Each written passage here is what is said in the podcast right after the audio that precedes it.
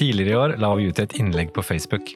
I dette innlegget var det en video som bl.a. forteller hvorfor det er behov for et forskningssenter som SpedAmes, og hva målet med forskningen vår er. I kommentarfeltet dukket opp noen spørsmål fra en rektor i Rogaland. Spørsmålet hun stilte, var så store og gode at vi valgte å lage en egen episode for å prøve å svare på dem. Podkasten er produsert av SpedAmes, Senter for spesialpedagogisk forskning og inkludering, og er finansiert av Forskningsrådet.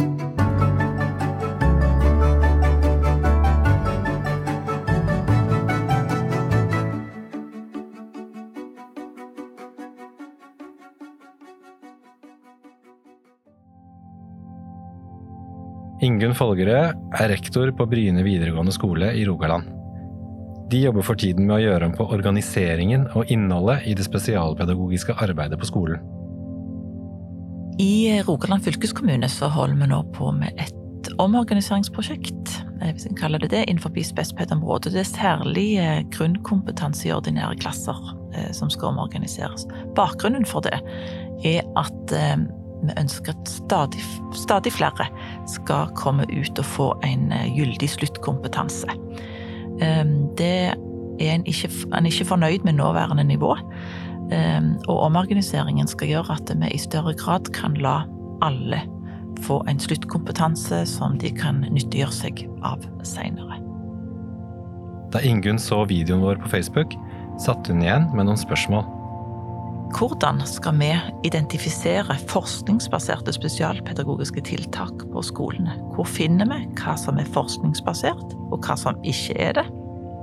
Er den sakkyndige rapporten fra PP-tjenesten å regne som forskningsbasert?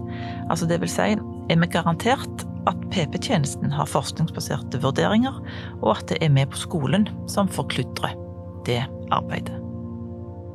Da jeg begynte å undersøke dette for Ingunn, forsto jeg hvor mye som faktisk ligger bak et forskningsbasert spesialpedagogisk tiltak. Så før vi begir oss ut på å svare på spørsmålene hennes, skal jeg sammen med dagens gjester ta deg gjennom spesialpedagogisk forskning fra A til Å. I dag er jeg så heldig å ha to flinke forskere sittende i studio, klare for å svare på alt jeg lurer på om spesialpedagogisk forskning. På den ene siden sitter Bjarte Furnes, førsteamanuensis i spesialpedagogikk ved Universitetet i Bergen og styremedlem i SpedAims. Velkommen til deg, Bjarte. Takk for det. På den andre siden sitter Øystein Anmarkrud, professor i spesialpedagogikk ved Universitetet i Oslo og nestleder i SpedAims. Velkommen. Takk skal du ha.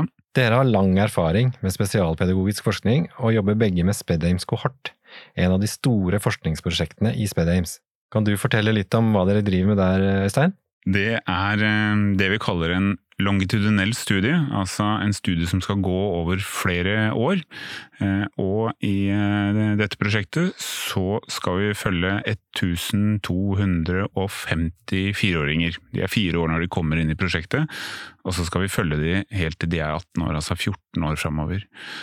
Og det vi skal gjøre der, det er å få en god beskrivelse eller en god forståelse av disse barna sin utvikling innenfor noen viktige områder som språk og litt seinere regning og lesing og skriving. Eh, og så skal vi også se på hvordan disse barna utvikler eh, sosiale og emosjonelle ferdigheter. Eh, så vi har på sett og vis tre mål med det prosjektet. Det ene er rett og slett å forstå utviklingen deres. Det er viktig i seg sjøl. Eh, og så vil vi også se etter ulike risiko- og beskyttelsesfaktorer for seinere vansker. For det er klart at i et så stort utvalg som 1250 barn, så vil det være noen av de som kommer til å streve med et eller annet eh, lengre ned i veien. Og i og med at vi følger de over tid, så kan vi se om vi kan identifisere risikofaktorer og beskyttelsesfaktorer. Og så har vi også et mål om å, å jobbe med liksom kvaliteten på ulike kartleggingsinstrumenter. Hvordan kan vi på best mulig måte identifisere de som, som er i risiko for en eller annen type vanske.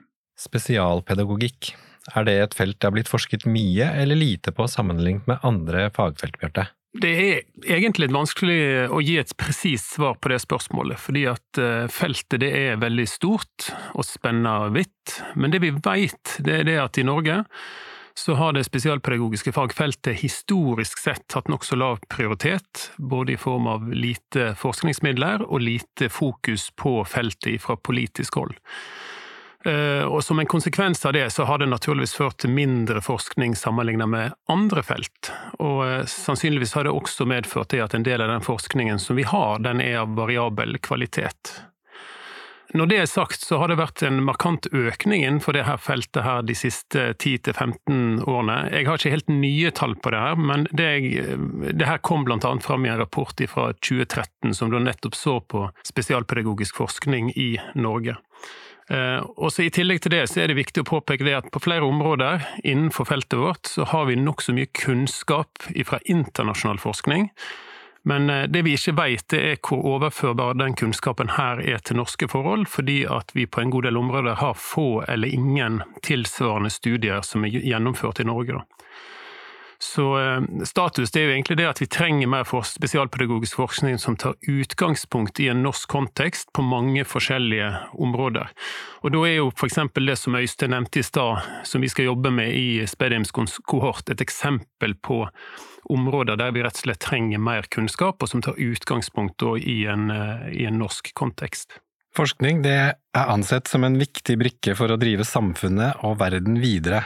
Hvorfor tenker du at det er viktig at vi forsker på spesialpedagogikk, eh, Øystein? Ja, det kan man svare liksom på, på, egentlig ganske mange nivåer. Men jeg tenker liksom kanskje det helt konkrete, og, det som for meg egentlig er det viktigste, er jo at eh, for noen år siden så ga Barneombudet ut en rapport hvor de hadde gått gjennom dette med kvaliteten på, på spesialundervisning i Norge.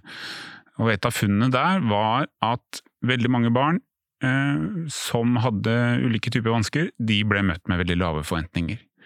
Eh, at det lå ikke en forventning om at de skulle lære så mye, at det rett og slett ligger et uutnytta potensial der.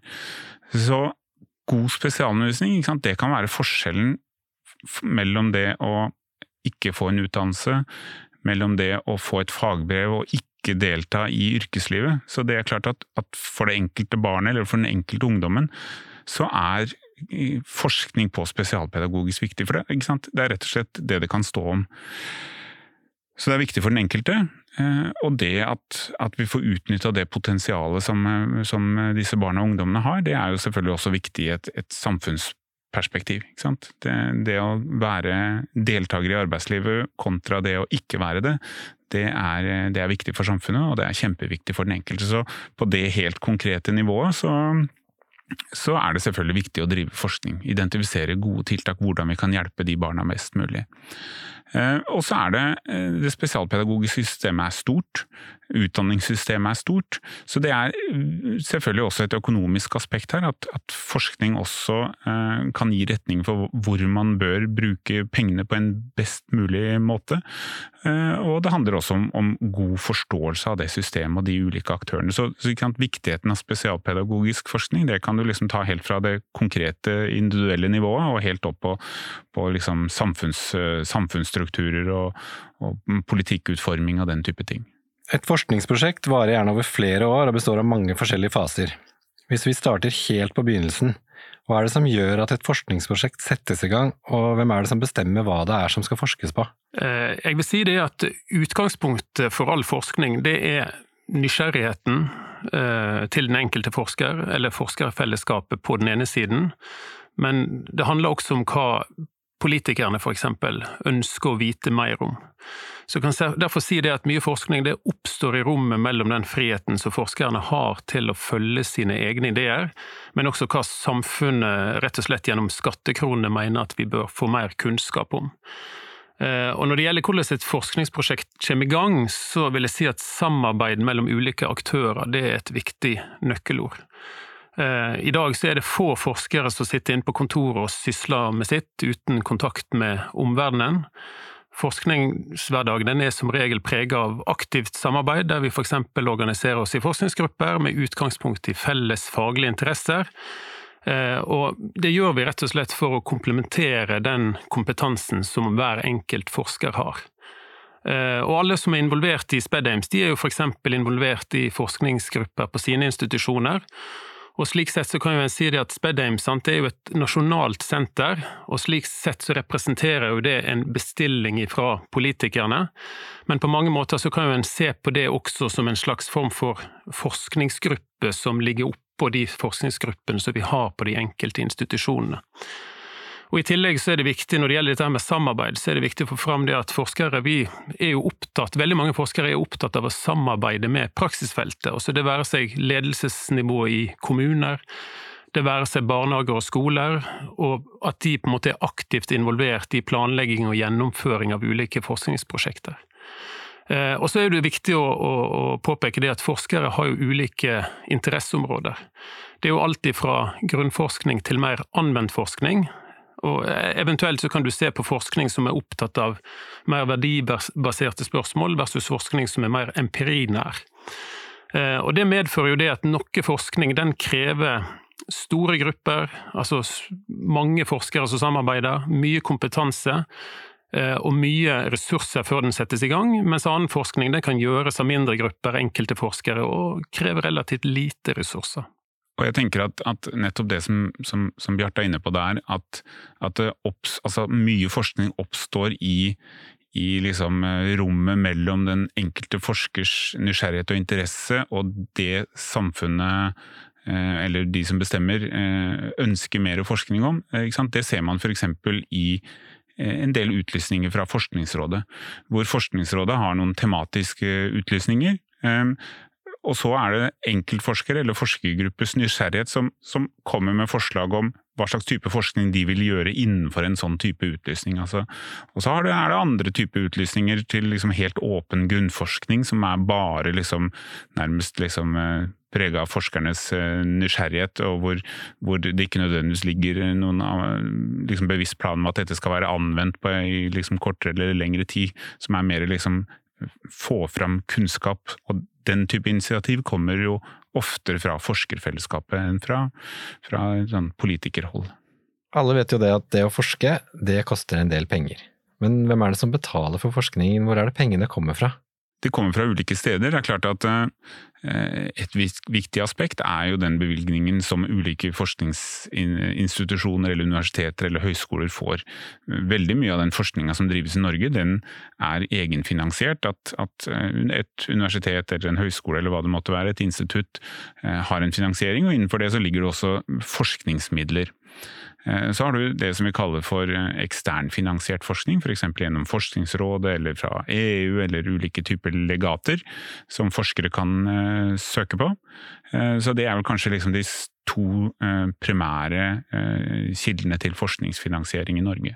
Men da når prosjektet så er finansiert, da begynner selve forskningen. Og på Store norske leksikon sine nettsider defineres forskning på følgende måte. Forskning er å undersøke noe ved hjelp av vitenskapelig metode for å frembringe ny kunnskap. Hva betyr egentlig det her, og hvordan gjør man det? Som et svar på det, så vil jeg si det at eh, det finnes forskjellige vitenskapelige metoder, og på et overordnet plan så kan en si det at det, de representerer rett og slett ulike fremgangsmåter for å undersøke noe innenfor det fagområdet en forsker på. Eh, og Slike tilnærminger kan bidra til at en kommer opp med ny kunnskap, som du nevnte i spørsmålet ditt, men det kan også handle om å samordne og oppsummere det som vi allerede veit. Og I den forbindelse er det viktig å påpeke det at forskning innenfor spesialpedagogikken, igjen som vi snakka om i stad, det favner bredt. Det kan være alt fra forskning som er opptatt av verdibaserte spørsmål, f.eks. knytta til demokrati, barns rettigheter, synet på barn med særskilte behov, mangfold, inkludering osv., men det kan også være mer empirinære spørsmål, hvor en f.eks. er opptatt av å forske på hvordan barnehage og skoler samarbeider med hjelp og støttesystemene, og hva som er såkalte suksesskriterier for at dette samarbeidet skal fungere på en god måte. Men så kan vi også ha studier som er opptatt av effekten av ulike tiltak som er rettet mot å bedre den ordinære opplæringen, eventuelt effektive tiltak rettet mot barn som har utfordringer knytta til språk, lesing, matematikk osv. Så for å få svar på det som en lurer på innenfor denne bredden av temaer, så må en naturligvis bruke ulike vitenskapelige metoder og fremgangsmåter. Så uavhengig av det her, så er et viktig stikkord innenfor all forskning er jo egentlig det at det tar tid. Eh, og forskning det handler egentlig om å bygge stein på stein, der en tar utgangspunkt i det vi allerede veit, og så prøver en sakte, men sikkert å bidra til at forskningen måte, og kunnskapen på et felt går videre.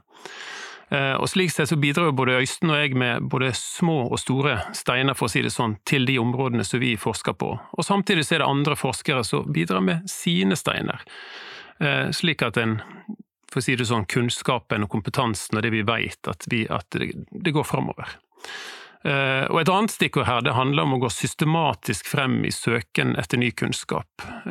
Og Hvordan det skjer, det varierer jo litt ut ifra den vitenskapelige metoden som en benytter seg av. Men det som er felles, det er at du skal være åpen om hva en har gjort gjennom hele forskningsprosessen, slik at de som leser forskningen kan forstå hva det er du har gjort, eh, og, og at de har mulighet til å på en måte kritisk vurdere det her innholdet da, på et godt grunnlag. Eh, og det her bidrar jo til, eller iallfall øker sannsynligheten for at, at forskningen er av god kvalitet, og så Samtidig så gir det andre forskere mulighet til å bygge videre på den forskningen som en sjøl har bidratt med i nye studier. Og igjen da, Summen av her, de her prosessene her, det bidrar til at forskning og kunnskap går sakte framover. Ja, nei, Der syns jeg eh, Bjarte ga en, en, eh, veldig god beskrivelse av eh, hva forskning er. Og så er det noe med at at det er jo ikke bare forskningen som beveger seg, det er jo også eh, metodene våre og hvordan vi forsker. Eh, og det er klart at f.eks. Liksom den digitale og den teknologiske revolusjonen som, som man har sett, sett de siste 50 åra, har gjort at man i dag kan gjøre helt andre typer analyser og studier enn det man kunne tidligere. Og det gjelder uavhengig om man jobber liksom kvantitativt med tall eller mer kvalitativt. Utvikla masse ny eh, programvare eh, som gjør at, at vi i dag kan undersøke og forske på ting som vi ikke kunne for en del år siden. Så en ting er at liksom kunnskapen liksom, uh, utvikler seg og det bygges stein på stein, men den utviklingen ser man også på, på, på hvordan vi forsker, rett og slett. Når selve forskningen da er ferdig, så sitter man gjerne igjen med noen resultater. Er det da bare å publisere, eller hva gjør man da? Ja, hvis det hadde vært så enkelt, så hadde det jo vært eh, bra. Eh, når man er ferdig med analysene sine, så skriver man jo gjerne de ut i en eller annen form. Man sier jo gjerne at, at forskning er ikke, et funn er ikke forskning før det er publisert. Eh, og viktig, et viktig aspekt i den publiseringsprosessen, det er det som vi kaller for, for fagfellevurdering. Og i det ligger det at hvis jeg har skrevet et artikkelmanuskript, eller noe, vi er en gruppe som har gjort det, så sendes det ofte da til f.eks. et eller annet tidsskrift, et internasjonalt eller et nasjonalt forskningstidsskrift. Og fagfellene, det er andre forskere som får eh, dette manuskriptet, denne studien, eh, og går kritisk gjennom det. For å se om vi har gjort noe feil, eller om vi burde ha gjort noe på en annen måte, eller om vi burde ha gjort nye analyser, osv. osv. Og denne, denne review-prosessen den er det som vi kaller for blind. Det betyr at eh, når jeg sender inn et manuskript, fagfellene der de vet ikke hvem eh, jeg er, eh, og jeg vet ikke hvem de er. Det er for å hindre at, at man skal få den type sånn forskjellsbehandling. At ja, ja, han her er en eh, flink fyr, så, så dette er sikkert bra nok. Den skal være blind. Og så går man gjerne flere runder. Eh, det som kan skje, og det erfarer jo alle forskere, at man sender noe inn og man har vært veldig fornøyd med det, og så får man tilbake med at nei, dette er forkasta, eller rejecta som det heter på litt sånn internasjonalt. At nei, Eh, Uh, sorry, dette får dere eventuelt sende et annet sted. Eller så kan man få ulike grader av det man kaller revisjon. Alt fra liksom en stor bearbeiding til en mindre bearbeiding. Og så setter disse som har skrevet dette manuskriptet seg ned og prøver å svare på alle innvendingene til disse fagfellene på best mulig måte, og så sender man de inn igjen på nytt.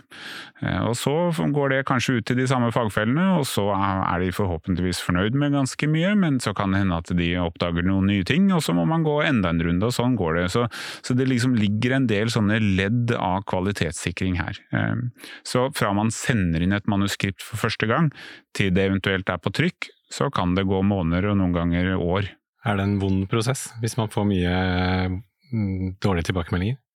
Eh, ja, det kan i hvert fall være en, en krevende prosess. Jeg pleier å, uh, å, si til mine stipendiater, at, uh, eller de doktorgradsstudentene som jeg er veileder, at uh, de må ikke ta den kritikken personlig, for da blir det et ganske vondt yrkesliv hvis du jobber i akademia. fordi at eh, eh, det er kritikken fra medforskere som driver forskninga videre.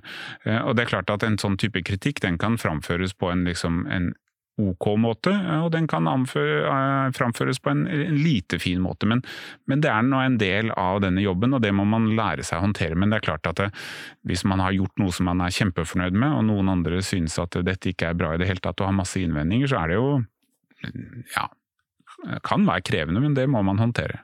Når forskningen så er fagfellevurdert og publisert, hva skjer videre da? Ja, si det. Det avhenger jo helt av hva det er forska på. Eh, I noen tilfeller så er kanskje forskningen såpass smal at den bare er av interesse for spesielt interesserte. En del av grunnforskningen kan jo f.eks. være der.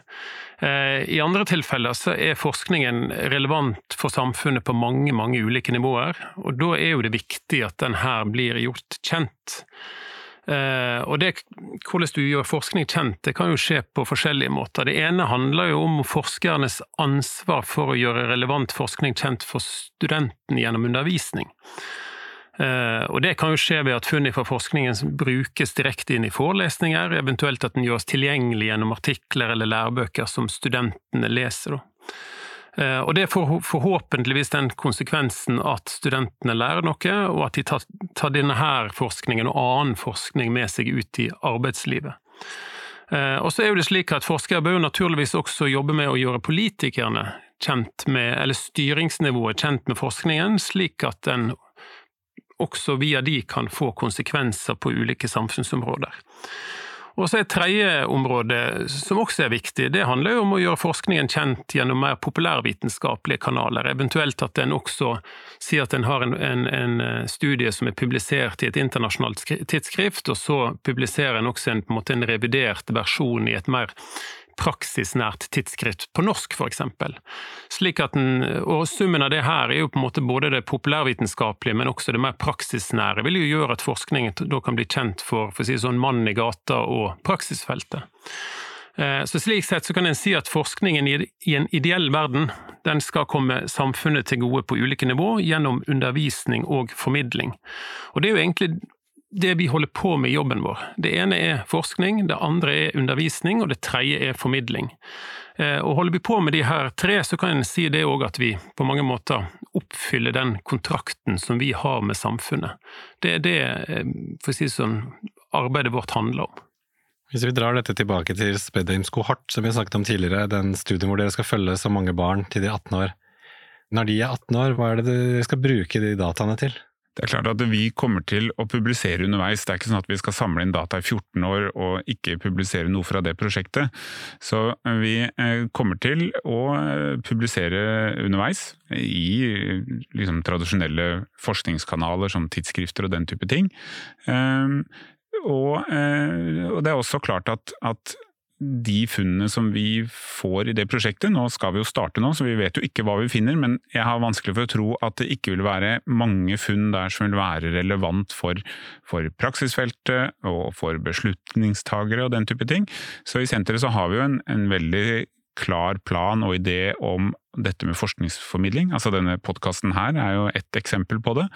Um, så der vil vi og, det er klart at um, de funnene vi gjør der vil også uh, komme inn i undervisningen som vi driver på universitetet. Vi driver jo forskningsbasert undervisning, så, så vi har jo både ambisjoner og en veldig stor tro på at, at det vi finner i denne studien, det vil påvirke liksom formidles til forskningsfellesskapet. Det vil komme studentene til gode gjennom undervisning, eh, og den skal komme praktikerne og beslutningstakerne der ute til gode. Forskningsresultater de kommer jo ofte ut til, til, oss vanlige folk også. Når jeg leser nyheter, så kommer jo ofte over artikler der det f.eks. står ny studie viser at, eller forskning viser at et eller annet. Betyr dette at noe er helt sant, og at jeg kan tro på det, eller er det, må det flere studier til før noe liksom er helt sant? Ja, jeg tror det er Man skal være veldig forsiktig med å liksom bruke begrepet helt sant. Um, men hvor stor konsensus det er innenfor et, et forskningsfelt, vil også variere. Hvis vi bruker liksom spesialpedagogisk forskning som, en, eh, som, et eksempel, så eh, er det også store variasjoner innenfor feltet. Vi vet ganske mye om om lesevansker. Eh, vi vet eh, ganske mye om matematikkvansker, men det er et felt som det er mye mindre forskning på enn lesevansker. Så det, er, det er, forskjell om hvor mye vi vet, og hvor mye enighet det er om et eller annet innenfor et forskningsfelt. Hvis vi bruker dysleksi som et eksempel, så uh, har man i hvert fall de siste 30 åra vært uh, liksom ganske enige om at det skyldes en eller annen uh, vanske knytta til det som vi kaller for fonologisk prosessering. Det har det vært ganske stor enighet om. Men nå har det begynt å komme en diskusjon som handler om ja, men liksom, hva skyldes nå egentlig dysleksi? Det er ganske stor enighet om Eh, hvordan eh, lese- og skrivevansker uttrykker seg, altså hva det er de strever med, men det er mer uenighet om hva det skyldes. ikke sant? Så, så innenfor et felt så kan det være liksom ganske store diskusjoner om hva som er, ja, selv om jeg ikke liker begrepet sant eller usant. Og så er det sånn at ulike forskningsfelt har på sett og vis ulik alder. Vi vet mye om lesing, der man har forska på lesing på papir kjempelenge. Mens i skolen i dag så sitter de fleste elever med en eller annen digital enhet og leser. Så liksom kunnskapen er mye sikrere på liksom tradisjonell lesing enn digital lesing, rett og slett fordi at det er et nyere felt hvor vi har mindre forskning, og ergo så blir det også mindre sikkerhet. Hvordan skal vi identifisere forskningsbaserte spesialpedagogiske tiltak på skolene? Hvor finner vi hva som er forskningsbasert, og hva som ikke er det? Er den sakkyndige rapporten fra PP-tjenesten å regne som forskningsbasert? Altså det vil si, er vi garantert at PP-tjenesten har forskningsbaserte vurderinger, og at det er vi på skolen som forkludrer det arbeidet?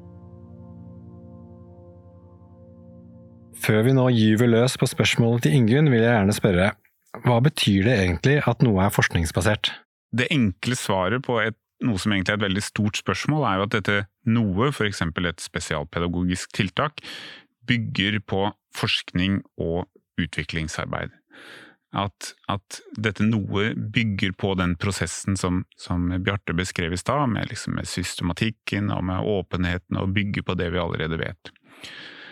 Og mange ganger så ser man at man har liksom et skille mellom det som er forskningsbasert, og det som er erfaringsbasert, som eksempel er de erfaringene som en spesialpedagog gjør eh, eller skaffer seg i arbeidet med sine elever og den type ting. Eh, og så tror jeg kanskje det er viktig å si at det, det er ikke noe nødvendigvis et veldig sånn svart-hvitt skille mellom hva som er forskningsbasert og hva som er erfaringsbasert. Det kan være liksom glidende overganger der. Ja, og jeg, personlig så foretrekker jeg egentlig Altså I den sammenhengen her så synes jeg egentlig ikke at forskningsbasert er et godt ord. Jeg foretrekker heller ordet kunnskapsbasert. Eh, og Grunnen til det, det er at handlinger og avgjørelser som du tar f.eks. på skolen, da, de vil jo ofte ha elementer av skjønn i seg.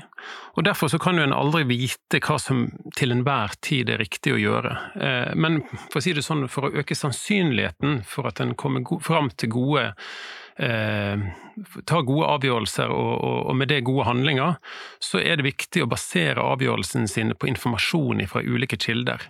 Og én kilde det vil være den kunnskapen som en har fra forskning, og som er relevant for det en skal gjøre. F.eks.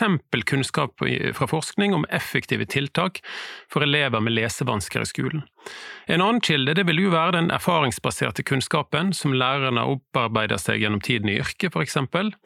Eh, en tredje kilde det er jo den kunnskapen som vi får gjennom barnet og foreldrene til barnet. Det kan være de meningene de har, de verdiene de har, den erfaringen og kunnskapen de har om sin egen situasjon.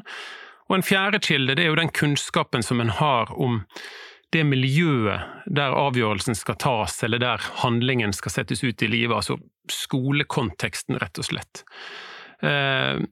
Så i denne sammenhengen her så kan jeg si det at forskningsbasert kunnskap det kan f.eks.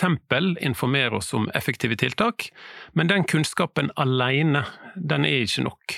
Kunnskap fra egne erfaringer, om eleven, om omgivelsene, det er også viktig. Eh, og det vet vi også fra forskning. Sant? Så Forskningsbasert kunnskap handler om effektive tiltak, men vi vet også fra annen forskning at de her forskjellige kildene de er viktige når for å si sånn, avgjørelser skal tas og handlinger skal settes ut i livet. Disse forskningsbaserte spesialpedagogiske tiltakene, virker de i praksis, og eventuelt hvorfor gjør de ikke det? Der er du inne på et av de store paradoksene, ikke sant? fordi at vi har en ganske stor litteratur på ulike spesialpedagogiske intervensjoner som viser at tiltak A eller tiltak B eller tiltak C har så og så stor effekt og virker bedre enn noe annet.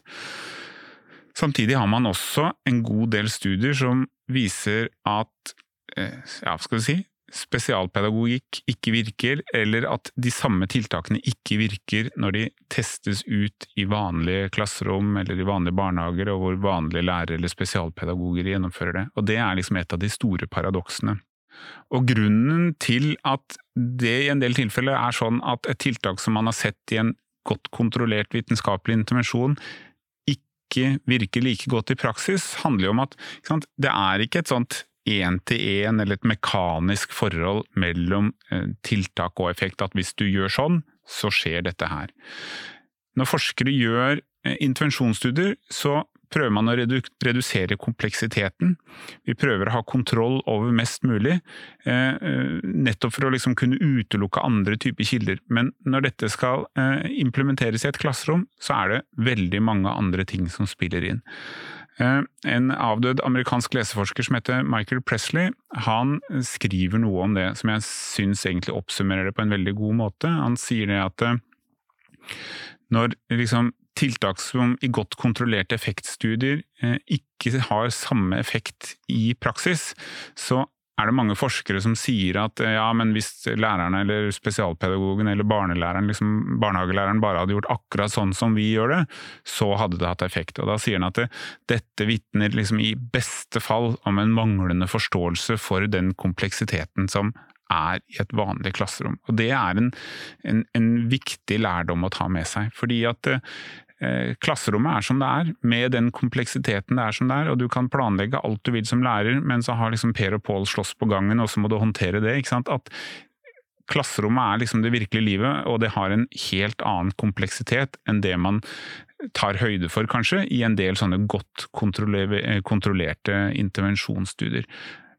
Men det betyr ikke at vi ikke skal gjøre det, for nettopp som, som Bjarte var inne på i stad, så, så, vil de informere. De vil informere praksisfeltet om ting som er viktig å ta med seg, men, men det er ikke sånn at man alltid kan liksom gjøre akkurat sånn som man gjorde i den eh, godt kontrollerte intervensjonen. På Bryne videregående skole skal de, som Ingunn fortalte, gjøre om på organiseringen og innholdet i det spesialpedagogiske arbeidet og i den forbindelse så spør hun hvordan kan vi identifisere forskningsbaserte spesialpedagogiske tiltak på skolene? Ja, det er et ganske stort uh, spørsmål. Jeg tenker at det ikke nødvendigvis er oppgaven til skolen alene. Vi snakker jo ofte om laget rundt barnet, og det er klart skolen er viktig. Et godt uh, og kompetent pedagogisk personale på en skole er viktig i dette her. Uh, men PPT har en viktig jobb i det.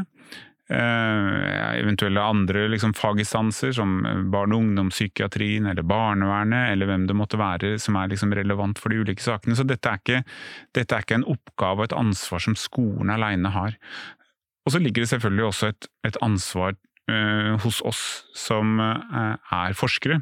For hvis vi ikke eh, formidler forskningsbasert kunnskap på en god og forståelig måte til praksisfeltet, så, så er det vanskelig for praksisfeltet å, å få tak i det. Eh, vi kan ikke forvente at eh, lærere og vanlige spesialpedagoger skal holde seg liksom oppdatert på hvor forskningsfronten ligger, og lese engelskspråklige eh, forskningsartikler. Så det, det, ligger, nettopp som vi snakka om tidligere her, det ligger en, et formidlingsansvar fra, fra, fra forskerhold også. Og det er nok et ansvar som det har variert ganske mye opp gjennom historien hvor, hvor forplikta forskere har, har, følt seg eh, i forhold til den biten av formidlingsansvaret sitt. Men, men som Bjarte var inne på, så, så, ligger det litt i den samfunnskontrakten som, som vi som forskere har med, med, med, samfunnet rundt oss. Samfunnet bruker penger på å skolere oss og gi oss en god utdanning, og, da, og, de er med på å finansiere forskning. Eh, og Da skulle det egentlig også bare mangle at det også er en viktig del av den, den jobben vi har. Ja, så tenker jeg det jo at dette, altså, sant, Vi kan ikke forvente at, sånn som Øystein sier, at, eh, at barnehagelærere eller lærere i skolen skal orientere seg i forskning gjennom å lese engelskspråklige artikler eh, som for å si det sånn, forutsetter at du forstår terminologien, altså språket som inngår, og hva er det vi egentlig snakker om.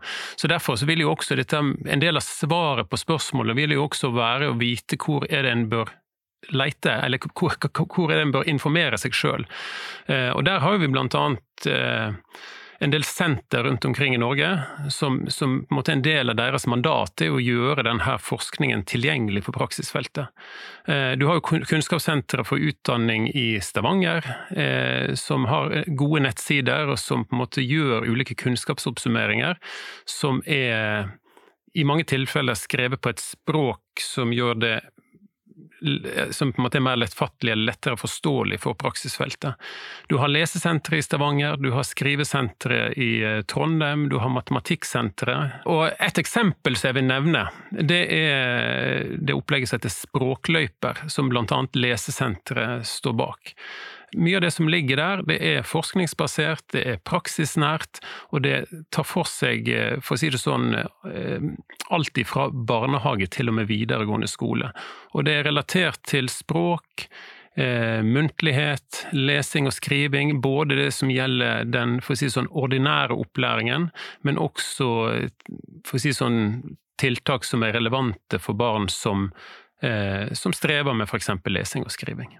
Og så tror jeg eh, det er viktig å påpeke her at her ligger det et veldig stort ansvar på skoleledelse og skoleeier. Eh, det er mulig å argumentere for at, at, en lærer eller en spesialpedagog eller en barnehagelærer som en profesjonell yrkesutøver selvfølgelig har et, et, selvstendig ansvar for å holde seg faglig oppdatert, men det er det bare mulig å gjøre hvis man har skoleeiere og skoleledere som legger til rette og gir tid og bruker ressurser på den type kunnskapsheving. Så jeg vil liksom aldri være med på en sånn diskusjon hvor liksom det er enkeltlæreren som, eller enkeltbarnehagelærer eller den enkelte spesialpedagog som har ansvaret for det. Dette er et ansvar som skoleeier og skoleleder har. I det andre spørsmålet sitt så nevner Ingunn PP-tjenesten, og da spør hun er vi garantert at PP-tjenesten har forskningsbaserte vurderinger, og at det er vi på skolen som forkludrer dette arbeidet? Igjen et stort spørsmål. Det er ikke nødvendigvis helt enkelt å svare på det. Eh, og forskning viser nok også at det er store variasjoner i det arbeidet som PPT gjør, og hvordan skolene følger det her opp. Eh, og Det handler naturligvis om den kompetansen som er på ulike PP-kontor, det handler om kompetansen som er på den enkelte skole, og det handler også om kompleksitet, at kompleksiteten kan være stor i ulike saker. Eh, men når det gjelder dette her som går på de her vurderingene for PPT, så er jo det slik at spesialpedagogiske tiltak som inngår i den sakkyndige vurderingen for PPT, det skal i utgangspunktet bygge på det vi vet fra forskning at virker, men også forskning fra andre kilder som kan supplere. Eh, og en vurdering fra PPT inneholder vanligvis en utredningsdel og en tiltaksdel. Eh, og Det innebærer det at en må gjøre en kartlegging av styrken og utfordringene som en elev måtte ha.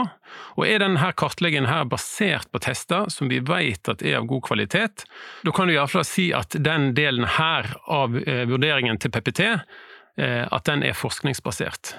Men så er det slik at i en utredning av en elev som er oppmeldt til PPT, så skal ikke vurdering av elevens fungering og forslag til tiltak bare baseres på resultatene fra f.eks. ulike tester. Til grunn for PPTs vurdering så skal det ligge en helhetlig vurdering av barnets totale opplæringssituasjon, hvis fokuset da er i skolealder. Og Det betyr at f.eks. utover resultatene fra tester som PPT da har gjort, så skal en alltid vurdere det skolen allerede har gjort eh, i forhold til kartlegging og tiltak, og eventuelt hvor godt de her tiltakene har fungert. En skal innhente informasjon om hvordan barnet er, fungerer i sine naturlige omgivelser. Det, altså det, kan gjøres på ulike måter. Det kan være gjennom observasjon av barnet i klasserommet. Det kan være eh, der det er sammen med lærer og andre medelever. Men det kan også være gjennom samtale og samarbeid med, med foreldrene til barnet, men også lærerne til barnet. Og så er det også viktig dette her med barnets rett til medvirkning. Det er jo et bærende prinsipp i norsk skole, og det betyr at også barnet skal få komme med sine meninger om egen situasjon. Men det her er jo selvfølgelig noe som også vurderes ut ifra barnets alder og funksjonsnivå. Eh, og Når det gjelder forslag til tiltak, så skal de, som jeg sa innledningsvis, i prinsippet bygge på forskning om hva som virker, så lenge denne forskningen faktisk finnes. Eh, for det, det, er jo ikke alle nødvendigvis Det kan jo være barn som har komplekse utfordringer, der vi rett og slett ikke har per dags dato god forskning på hva er det som på en måte er fornuftig å gjøre i den sammenhengen her. Eh, men da vil jo også den for den praktiske erfaringen eller kliniske erfaringen som en PP-rådgiver har, være veldig viktig. Og I den forbindelse så er det viktig å si det at det er mange dyktige PPT-ansatte som sitter på mye god såkalt taus kunnskap om hva som kan fungere for den enkelte elev. Og Den kunnskapen her er jo det også viktig at eh, en PP-rådgiver bygger på. Så en vurdering og forslag til tiltak fra PPT basert på informasjon fra alle de kildene som jeg nevnte ovenfor, eh, da kan jo vi si at da er den her eh, vurderingen såkalt forsknings- eller kunnskapsbasert da, i alle ledd. Og Det er jo nettopp det å på en måte bruke informasjon fra forskjellige kilder, se hele eleven og, det, og, og omgivelsene rundt eleven, det er jo det vi vet fra forskning at er det som på en måte fungerer best. Det er den totalpakken, da.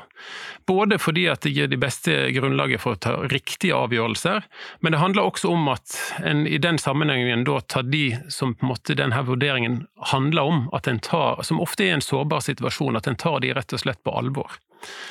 Eh, så jeg vil si det at eh, hvis en jobber på en skole og en får en vurdering fra PPT, og en opplever det at den vurderingen er veldig smal, f.eks. den baserer seg stort sett på kartlegginger, tester og utredninger knytta til det, så ville jeg tatt kontakt med PPT og bedt dem om å gjøre en ny vurdering. Fordi at da snakker ikke vi om en helhetlig vurdering av barnets situasjon. Eh, og jeg vet ikke om jeg skal si det her, men da har de etter min mening ikke gjort jobben sin. Det må dessverre bli siste ord i denne samtalen. Vi har dessverre ikke mer tid igjen, så vi er nødt til å runde av. Tusen takk til Bjarte Furnes ved Universitetet i Bergen og Øystein Anmerkerud ved Universitetet i Oslo. Det har vært kjempegøy å lære om hvordan spesialpedagogisk forskning faktisk foregår. Takk for at jeg fikk komme. Tusen takk, og takk for meg, ja. Denne podkasten er produsert av SpedAmes, Senter for spesialpedagogisk forskning og inkludering. SpedAmes er finansiert av Forskningsrådet og har et samarbeid mellom Universitetet i Bergen, Universitetet i Stavanger, Nord universitet, Universitetet i Agder og Universitetet i Oslo. Takk for at du hørte på.